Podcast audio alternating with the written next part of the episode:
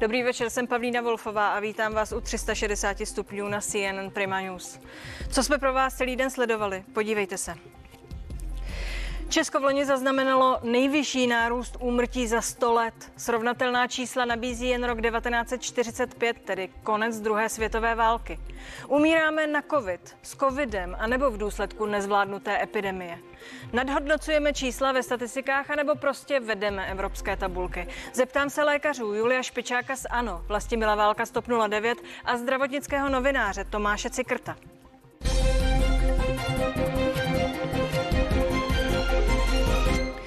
Česko má největší meziroční nárůst počtu zesnulých od konce druhé světové války. Vyplývá to z dat zveřejněných Českým statistickým úřadem. K 15% nárůstu oproti průměru pravděpodobně přispěla pandemie COVID-19. V souvislosti s nákazou jen loni zemřelo téměř 12 tisíc lidí. Celkově pak v Česku zemřelo přes 129 tisíc osob, tedy o 17 tisíc víc než v předešlém roce. Tak výrazná meziroční změna je podle statistiků zcela výjimečná.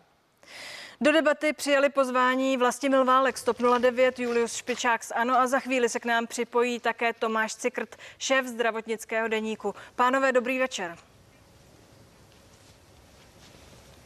Hezký dobrý večer. A všem uh, divákům. Pane Špičáku, umírají tu lidé v důsledku nezvládnuté epidemie?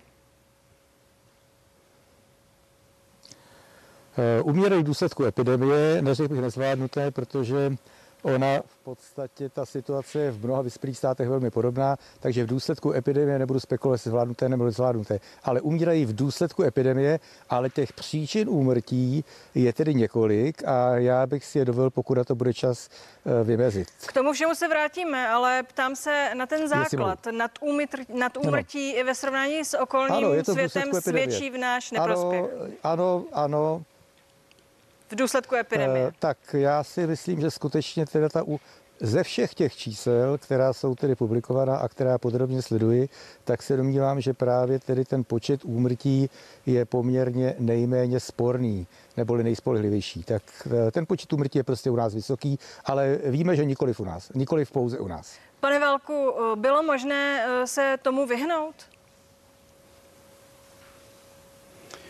Já se obávám, že bylo možné těch úmrtí mít méně, mohlo se stát, že jich bude více, ale žádné zemi s výjimkou pár, jako je Island, tak se nepodařilo zcela vyhnout tomu, aby pacienti s covidem neumírali. V každém případě eh, z toho srovnání nevycházíme příliš dobře. Já mířím k těm pokusům, my už jste to naznačil, pane Špičáku, rozdělovat úmrtí na covid, s covidem a bez ano. covidu.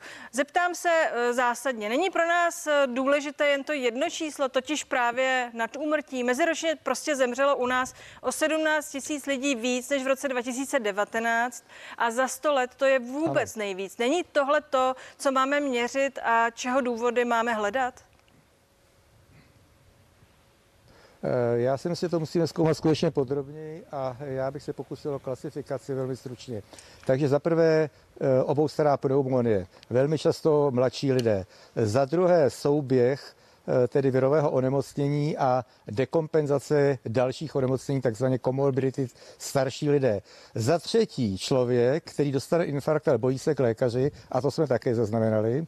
Za čtvrté je to člověk, který ale se mu nedostane dostatečně ošetření. Já vám řeknu jedno číslo nebo jedna čísla.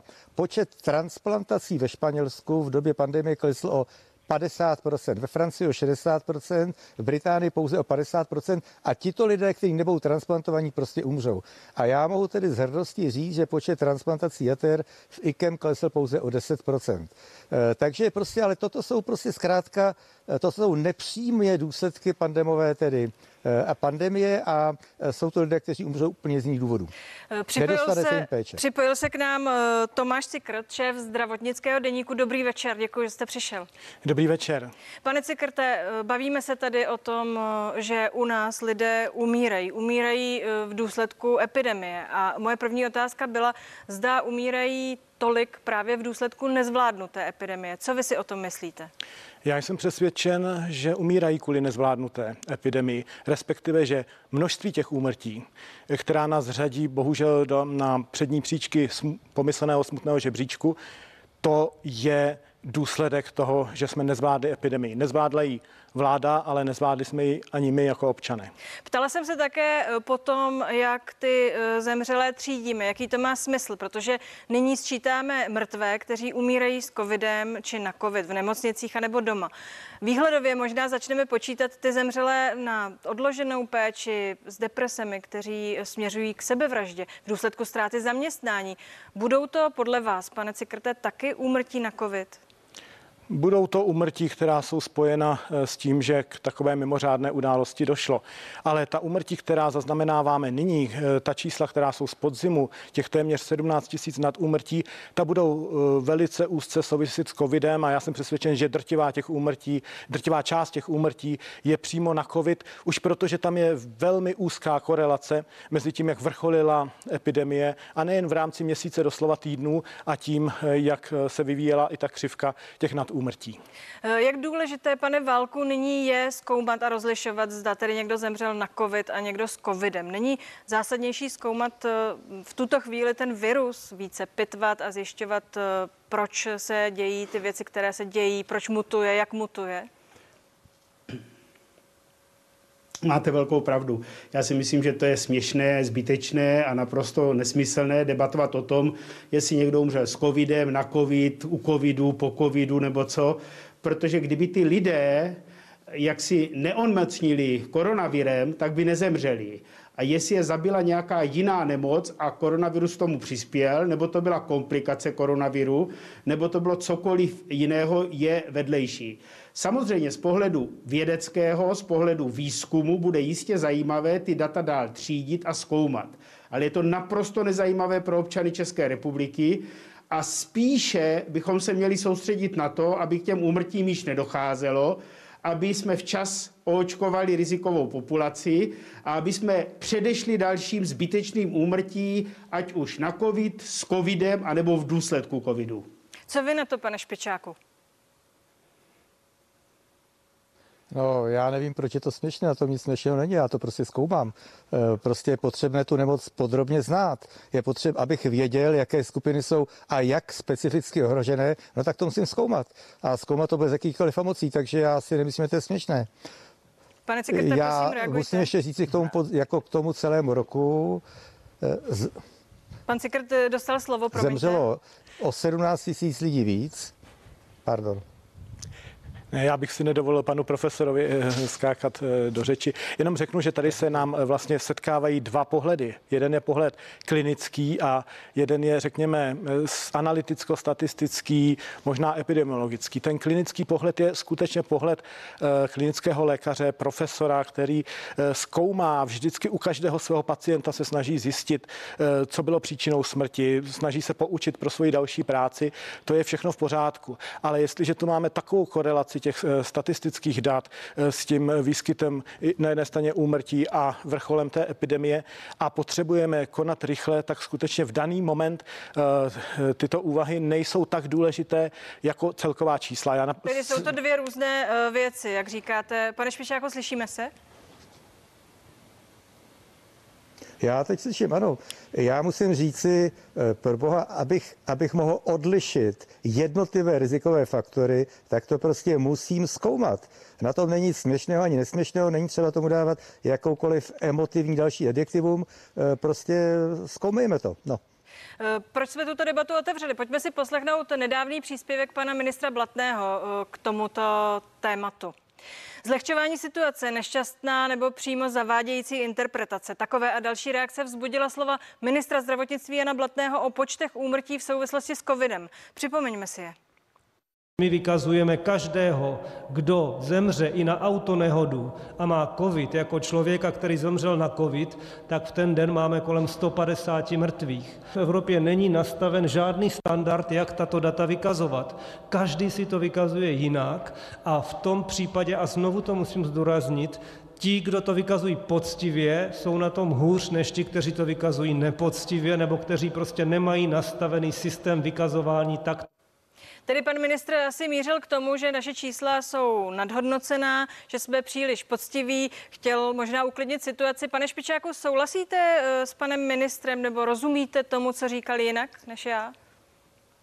Já bych řekl, že obsah, ano, obsahově tomu rozumím, asi bych se vyjádřil trochu jinak. Jisté je, že jednotná metodika sběru dat v Evropě neexistuje. A já vám řeknu takový například takový příklad. V Čechách za týden je eh, třeba 50 tisíc nakažených a tisíc umře. To znamená, z 50 umře tisíc lidí jedna padesátina. V Německu je 120 tisíc nakažených, až by jich mělo být tedy mnohonásobně více, ale umře jich 5 tisíc. To znamená, že z toho počtu nakažených jich umře poměrně daleko víc než v Čechách. Budu vyvozovat, že v Čechách je horší nemocniční péče, že v Německu je horší nemocniční péče, No prostě tak tomu není. Takže ta čísla je třeba posuzovat s velkou opatrností. Zároveň je potřeba říct, dívala jsem se na statistiky, v říjnu 2020 zemřelo při autonehodě 70 lidí, podle informací policie. A 7857 v souvislosti s covidem, to je podle informací ministerstva. Tedy eh, řekněme, že je to nějaké 1%. To 1% použil pan ministr jako argument, protože jsme příliš poctiví a že eh, trošku přeháníme to s tou poctivostí a proto to tak zle vypadá. Pane Cikr, Škrte, jak vy eh, vnímáte právě vystoupení pana ministra v těchto souvislostech? Já myslím, že on se snažil opravdu poctivě z pohledu zkušeného lékaře se podívat na ta úmrtí. A to je to, co já říkám. Ten klinický pohled je trošku jiný. Ale my tu máme dneska zveřejněná čerstvá čísla Českého statistického úřadu. Jasně říkají, že to je počet nad úmrtí a to už je věc, kterou, eh, která není věcí metodiky. Prostě je tu víc o téměř 17 tisíc úmrtí více, než jsme eh, za poslední léta zvyklí. Toto je srovnání teda s rokem 2019, ale ono to vybočuje z posledních deseti let, úplně jednoznačně. Pane Velku, eh, zpátky k vám. Jak tohle vnímáte? Jak to je podle vás, to vystoupení pana ministra? Víte, málo kdo ví asi také, jak je náročné rozlišit, kdo umřel s covidem a kdo na covid a vtělit to do statistiky. Je to, vy jste říkal, že to nepovažujete za tak důležité, ale přesto o čísla se hraje. Jak vy to vnímáte? Já, eh, pokud se na to podívám z té roviny opravdu vědecké a budeme se na to dívat tímto způsobem, tak my jsme ve fakultní nemocnici Brno validovali ty úmrtní listy, které jsou vystavované a troufnu si říct, že žádný z těch úmrtních listů nebyl vystaven pacientovi, který by nezemřel v přímé příčinné souvislosti s covidem. Druhá věc, která je jasná, ministerstvo zdravotnictví vydalo metodický list. Otázka je, jestli ho nemohlo vydat dříve, což ale není chyba tohoto ministra, kde je jasně napsané, jaký pacient v souvislosti s úmrtím na COVID se má nebo nemá vykázat, že zemřel na COVID. A v tomto metodickém pokynu na straně 7 je uvedeno, že pokud pacient COVID plus má autonehodu a zemře při autonehodě, nevykazuje se jako pacient zemřelý na COVID. Pokud tento metodický list někdo eh, ze eh, lékařů nebo koronérů, těch, co odehledává tyto pacienty, špatně postupuje podle toho metodického listu, tak je to chyba. Pak bych si troufl říct ještě dvě poznámky. Ta první, my se bavíme pořád jenom o těch pacientech, co zemřeli v nemocnici a předtím byli vyšetřeni a vyšli COVID+. Jenže řada nemocných nebo řada lidí zemřela doma, řada lidí zemřela v domovech důchodců, kde to jejich ohledání dělá buď to lékař, který je tam nasmlouvaný, nebo koronér. A je otázka, jak tito pacienti byli vykazovaní. To zná je možné, pokud se na to podívám takto jako vědecky, že těch úmrtí na COVID je ve skutečnosti daleko víc, než je ve statistikách. A proč si to myslím?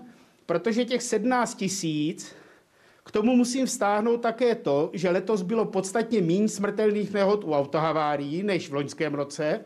Z mých zkušeností zase z fakultní nemocnice Brno ubilo infarktů, ubilo vážných cévních mozkových příhod. To zná, pokud bych to chtěl opravdu podrobně pečlivě analyzovat, tak to musí být velmi, velmi komplexní pohled, jak říkal profesor Špičák. A proto ta zkratka, když se spojí ve snaze uklidnit veřejnost, autonehoda, covid a ty statistiky nevěřte jim, považuji za velmi nešťastnou a zavádějící. Pane sekretáře, prosím, reagujte krátce.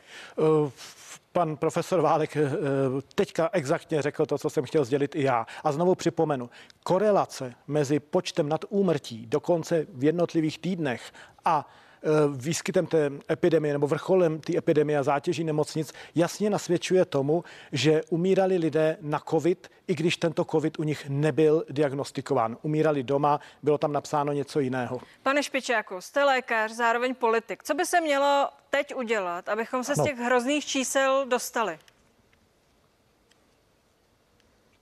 Podrobná analýza a na vědeckých principech selekce restriktivních opatření protože ta opatření paušální prostě nefungují. Ta opatření musí být skutečně velice, velice precizně, eh, precizně tedy selektivní. A já bohužel musím říci, náš vědecký přístup dosud ke zkoumání tedy všech těchto záležitostí byl naprosto tedy nedostatečný. Naprosto nedostatečný. Co, a mám co byste tedy prakticky navrhoval, prosím? Jinak ještě pokud je o ty úmrtí doma, ty úmrtí doma, Prosím, eh, je třeba prostě vytvořit skutečně prospektivní protokoly a zkoumat tu záležitost prostě zcela bych řekl systematicky. A to se prostě nekoná. Nedochází k sekvenování virů, eh, nejsou údaje o dlouhodobých důsledcích, nejsou jasné, eh, jasné údaje o příčině umrtí. Prostě skutečně to není systematicky vědecky zpracováno, celý ten obsáhlý materiál. Proč se to nejsou neděje? epidemiologické údaje o domovech důchodců, nejsou epidemiologické mě se neptejte, ale my nemáme na to v podstatě institut, nemáme vhodný nástroj, kterým by se to dalo okamžitě zadat. My nemáme v ústav v Německu, my necháme v ústav v Paříži. Prostě u nás eh, v podstatě tato odbornost chybí. Eh, to zní jako tvrdá slova, pane Cikrte, prosím Není reagujte. rozvíjena na vědecké bázi. Tak tato epidemie nás eh, velice si myslím poučila, že pokud přijde nějaká další, měli bychom být připraveni. A podle mého přesvědčení to znamená změnit od základu některé instituce. Eh, hygienickou službu ne nějak eh, kosmeticky přemalovat jednu hygie, nebo krajské hygienické stanice na jednu centrální hygienu. To chce opravdu od základu celé změnit a doplnit ten pohled, který byl kdysi v Česku a v Československu tradičně čistě lékařský, o další expertní pohledy analytiků, matematiků.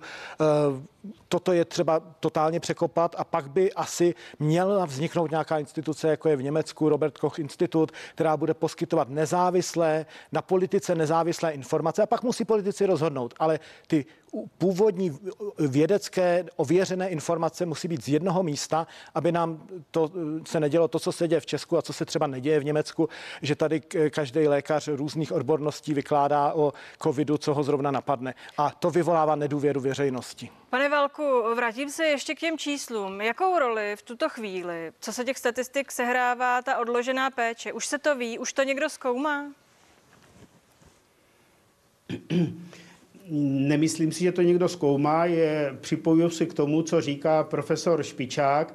Eh, ministerstvo v podstatě rezignovalo už za do Vojtěcha na eh, vědecký přístup ke zkoumání covidu. My jsme opakovaně na zdravotním výboru a chtěl to profesor Špičák, chtěl jsem to já, navzájem jsme se podporovali v těch našich chtěních, Eh, žádali ministerstvo o ten vědecký přístup, žádali jsme o data, která jsou validovaná, ověřená. To není o ÚZISu, to je o opravdu mm, eh, ministerstvu zdravotnictví. A to se týká i tady té odložené péče.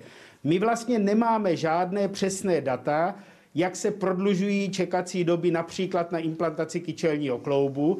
My máme kazuistiky, když nějaká známá osobnost zůstane doma se žlučníkem, nenechá se operovat a zemře ale absolutně chybí to, že by analytický, analytická část ministerstva tady toto zkoumala a na základě toho připravovala opatření například na druhé pololetí nebo na příští rok, což já bych považoval za naprosto zásadní.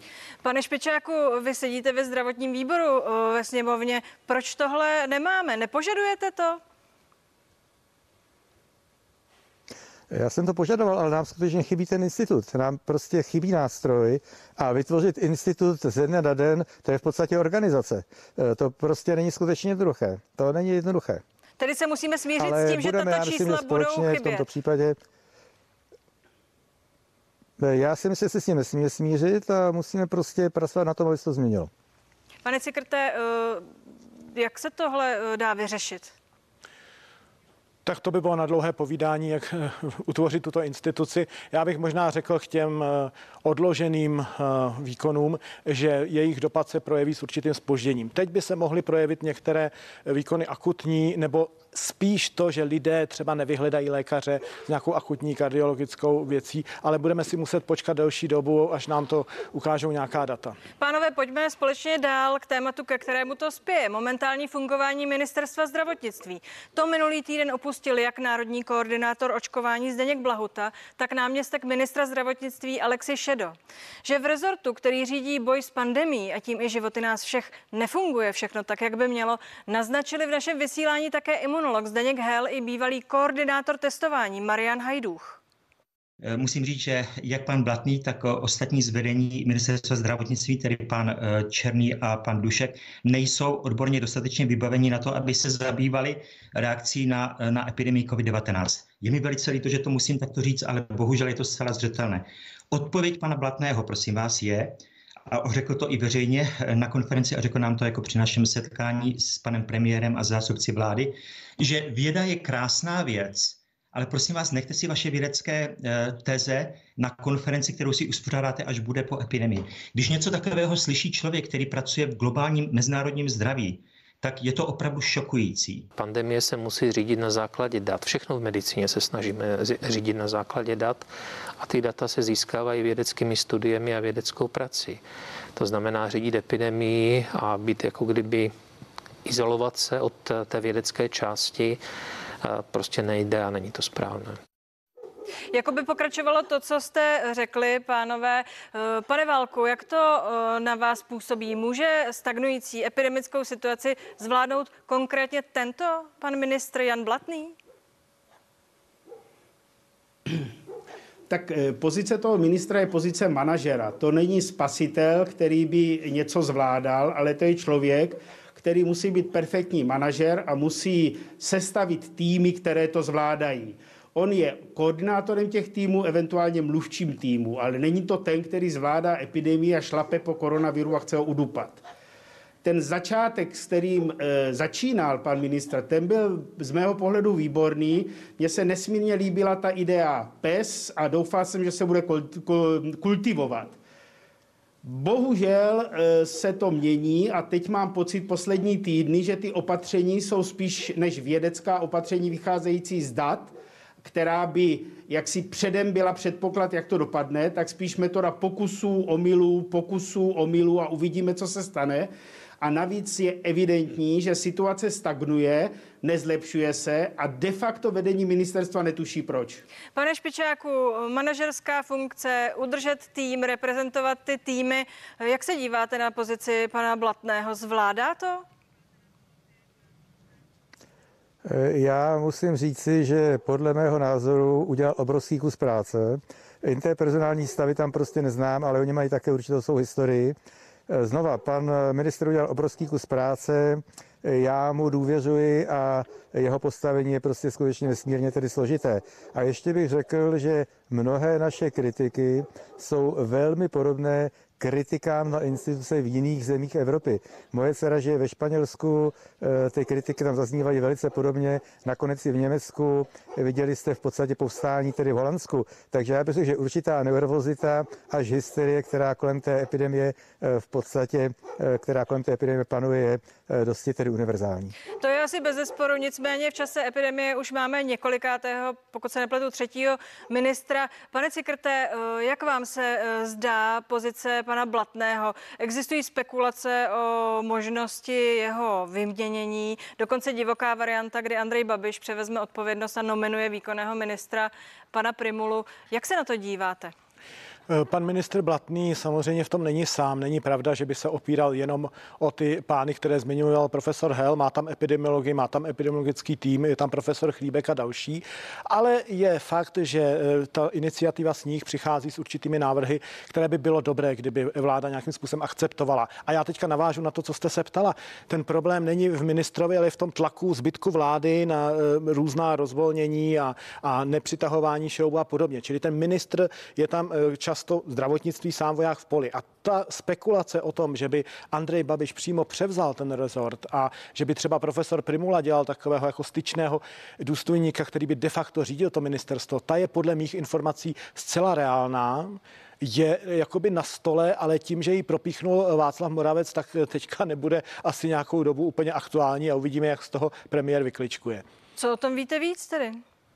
No, to, co jsem řekl, že eh, podívejte, to vidíte i z toho, co říkal profesor Hell, kolem eh, pana premiéra se teďka eh, začali jaksi mu být na blízku lidé, kteří jsou zastánci, řekněme, větších utahování opatření a já bych, no právě pan profesor Hell a možná někteří další lidé a u pana premiéra totiž není úplně nikdy zřejmé, kdo je mu momentálně na blízku. To se velmi střídá a mění. Ale pan premiér zřejmě poučen tím, co se mu stalo v létě, kdy naslouchal rozvolňovačům, tak teďka naslouchá jako utahovačům, ale eh, asi je to v dané chvíli spíš dobře. A já si myslím, že skutečně ten tlak na ministra, eh, pana ministra Blatného tady je velký, ale tím, že ta informace unikla, tak možná mu to paradoxně pomůže ještě se trvat v tom křesle. Velmi krátce, pánové. Pane Špičáku, vy eh, máte o těch spekulacích nějaké informace o tom, co tu zaznělo teď?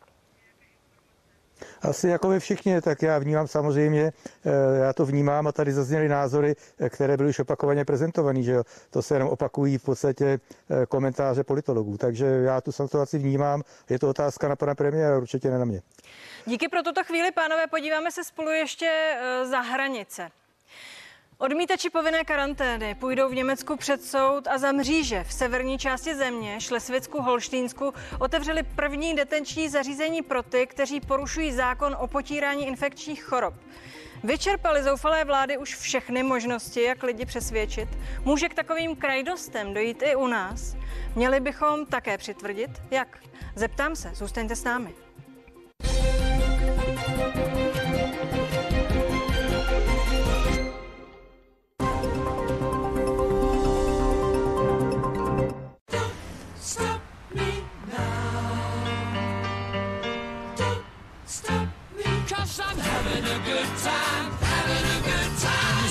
Star leaping through the sky like a tiger, defying the laws of gravity. Nová Toyota Corolla. Pořiďte si Toyota Corolla nebo další modely v limitované akční nabídce Extra. Objevte své lepší já.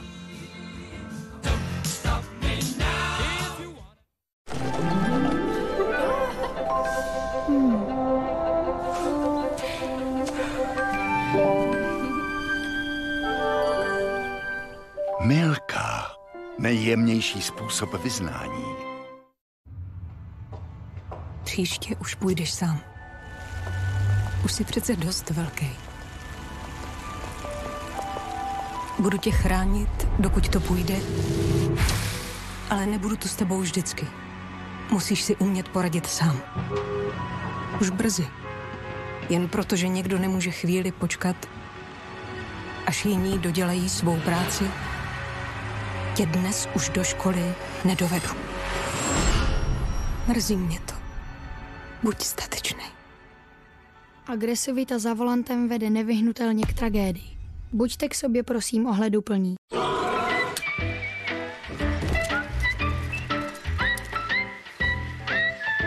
Ty ještě dělal můj děda.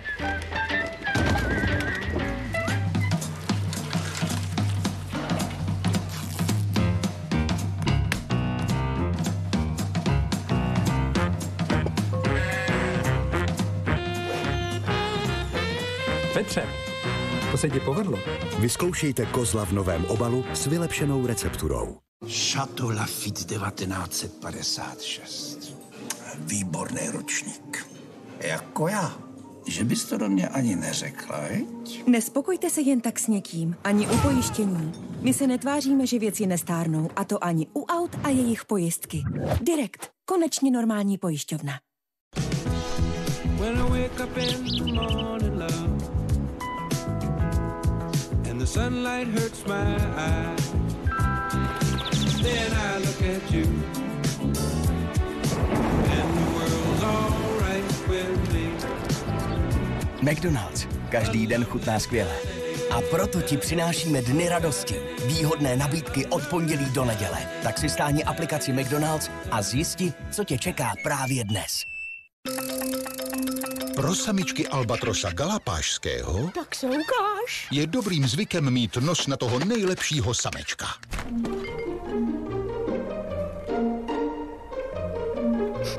U nás ve Fiobance je dobrým zvykem mít nos na produkty, které oceníte. Třeba na osobní účet bez poplatků a podmínek, založený online. Nivea se inspirovala přírodou a vytvořila nové tělové mléko z 98% ingrediencí přírodního původu a tím nejlepším z aloe vera pro intenzivní hydrataci vaší pokožky. Nová tělová mléka Nivea Naturally Good v unikátní rolovací lahvi. Vyzkoušejte také nové sprchové gely s přírodním složením a bioarganiovým olejem. Co tady koumáte? Vymýšlíme novou půjčku. Půjčka musí být jednoduchá. Půjčíte si 10 švestek, vrátíte 11. Zaplatíte jen jednu splátku navíc. A to je pecka. S půjčkou 10 plus 1 zaplatíte jen jednu splátku navíc. Volejte 800 148 148. Provident. Spolu se domluvíme. Lahodné sušenky Bebe Dobré ráno jsou z pěti celozrnných cereálí. Pšenice, ovsa, špaldy, žita a ječmen. S křupavými oříšky a vonavým medem. Bebe Dobré ráno. Chutné a výživné. S energií na celé dopoledne. Víte, jak si pořídit nejlevnější povinné ručení a nejvýhodnější havarijní pojištění? Jasně, na internetu, ví každý. Ale když to napíšu rovnou do srovnávače Rixo.cz, mám to hned. Stačí mít SPZ, zadat ji do Rixa a technické údaje o autě se odteď vyplní sami. I ještě krátké info o mně, abych nepřišel o bonusy a je to. Halo, prosím tě, cvakni mi to na čumák a já jedu. Srovnejte si rychle a jednoduše nejvýhodnější pojištění vozidel. Rixo.cz. Nesrovnatelně lepší srovnávač pojištění. Začíná vás bolet v krku? Doufám, že se to nezhorší. Potřebujete Strepsils. Ten ničí viry a bakterie už za jednu minutu a ulevuje od bolesti. S bohem bolesti v krku. Díky. Strepsils ničí viry a bakterie. Vyzkoušejte také Strepsils pomeranč s vitamínem C. Stejný antiseptický účinek plus vitamin C. Stand-up komedie? Ne, tohle je každodenní život. Nový Kedy, připraven na vše, co vám zítřek přinese. Nový Sajos Oleo Intense dodává bohatý barevný výsledek s Fairtrade arganovým olejem, bez amoniaku. Zdravě vypadající vlasy, dlouho trvající barva. Sajos Oleo Intense. It's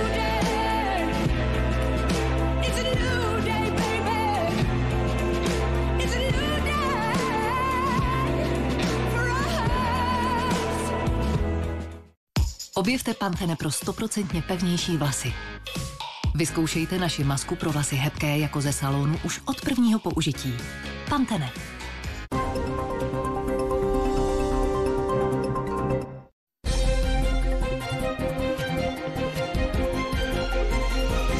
360 stupňů je zpátky, dík, že jste s námi. Detenční zařízení pro odmítače povinné karantény už vzniklo v Německu. Eh, Se mnou ve studiu eh, jsou stále ve spojení Julius Špičák z ANO, je tu taky Vladislav, Vladislav, Vlastimil Válek eh, z TOP 09 a Tomáš Cikrt. Dobrý večer ještě jednou, pánové. Pane Špičáku, umíte si představit, že by k takovému opatření došlo u nás? Já bych nerad, aby k němu došlo, mně se to opatření nelíbí. Každopádně jistá ochrana obyvatel tady musí být, ale měla by vycházet z nějaké promyšlené legislativy, která podle mého názoru dosud chybí. Eh, To já si myslím, že to je skutečně krajní zařízení a to za, krajní opatření a toto opatření se mi nelíbí. Vlastimile Válko, jak to vidíte vy? Já myslím, že tady se s profesorem Špičákem zhodneme. Já si dokážu představit ledacost, ale udělám všechno proti tomu, aby podobný způsob vymáhání u nás nebyl. Myslím si, že daleko lepší je, aby vláda nelhala, aby jaksi pokud se zmílí, tak to přiznala veřejně, aby táhla za jeden pro vás a jak si ty vyjádření byly jednotné a nelišily se vyjádření jednoho od vyjádření druhého a rozhodně, aby ta vláda dala občanům nějakou naději, i včetně variant optimistické, realistické a pesimistické. Rozhodně cesta není v restrikcích. To není dobrá cesta, přes covidem tady budeme ještě řadu, řadu měsíců. Tomáši Cikrte, eh, zdá se, že my jsme na opačném konci příběhu, než je eh, Německo. Možná máme přísná opatření, ale spousta lidí je nedodržuje a přitom je jen laxně vymáháme. Nefungují tedy. Co s tím? Tak represe je výrazem zoufalosti a já se tady připojuji k obou, oběma pánům profesorům. E, V žádném případě nejsem pro takovéto opatření. Už i proto, že jsme na tom opačném konci, že u nás by se to týkalo e, velkého množství lidí e, a to, co potřebujeme při každé nějaké vážné zdravotnické události, epidemii, je spolupráce lidí. Represe k té spolupráci nevede, takže eh, my, je to strastiplná cesta, ale musí začít od získání důvěry. A to, co nám tady chybí, je důvěra v to, že ta opatření mají smysl, důvěra v to, že vláda ví, co dělá. Eh, Pane Špičáku, jak z toho teď ven?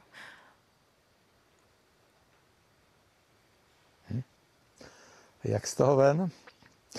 Eh, Je to skutečně velmi složité, velmi složité, tak já znovu musím říci, eh, buďme všichni důvěryhodní, buďme důvěryhodní, eh, vláda by samozřejmě měla i případe, příkladem, politici, elity měli příkladem, v podstatě chovejme se systematicky, zodpovědně. A samozřejmě očekávám také, že tedy, že tedy společnost pochopitelně na ta nezbytná restriktivní opatření bude reagovat s odpovědností. Pane Velku, bude Ale ta to situace je stačit? skutečně nesmírně komplikovaná. Bude to stačit, pane Válku? Tak eh, pokud to opravdu vláda, he, ano, rozumím, pokud to opravdu vláda bude dělat, tak by to stačit mohlo. A pevně doufám, že to stačit bude. Otázka je, jestli ta vláda vůbec na to má, aby takhle změnila ten přístup. Já si myslím, že součástí, já jsem si jistý, toho součástí toho přístupu musí být eh, podávání opravdu férových, pravdivých informací. A pokud se zmílím, a každý z nás se zmílí, protože ta epidemie je neodhadnutelná, nemáme s tím zkušenosti stále dostatečné, máme nějaké představy, které se nemusí naplnit, tak na férovku přiznat, že jsme se zmílili. A opravdu si myslím, že ta vláda by měla představit občanům, Teď máme na to dva týdny nebo tři, protože bude znovu žádat o prodloužení nouzového stavu. Představit občanům a i sněmovně plán, nějaký plán, variantu optimistickou, realistickou, pesimistickou. Pánové, děkuji vám za tuto diskusi. Určitě v ní budeme příště pokračovat. Mějte se hezky. Hezký večer. Naschledanou. Hezký večer a děkuji za pozvání. Vám. No a to je z dnešních 360 stupňů vše. Nenechte si ujít zprávy v 21 hodin a já se budu těšit zítra. Na viděnou.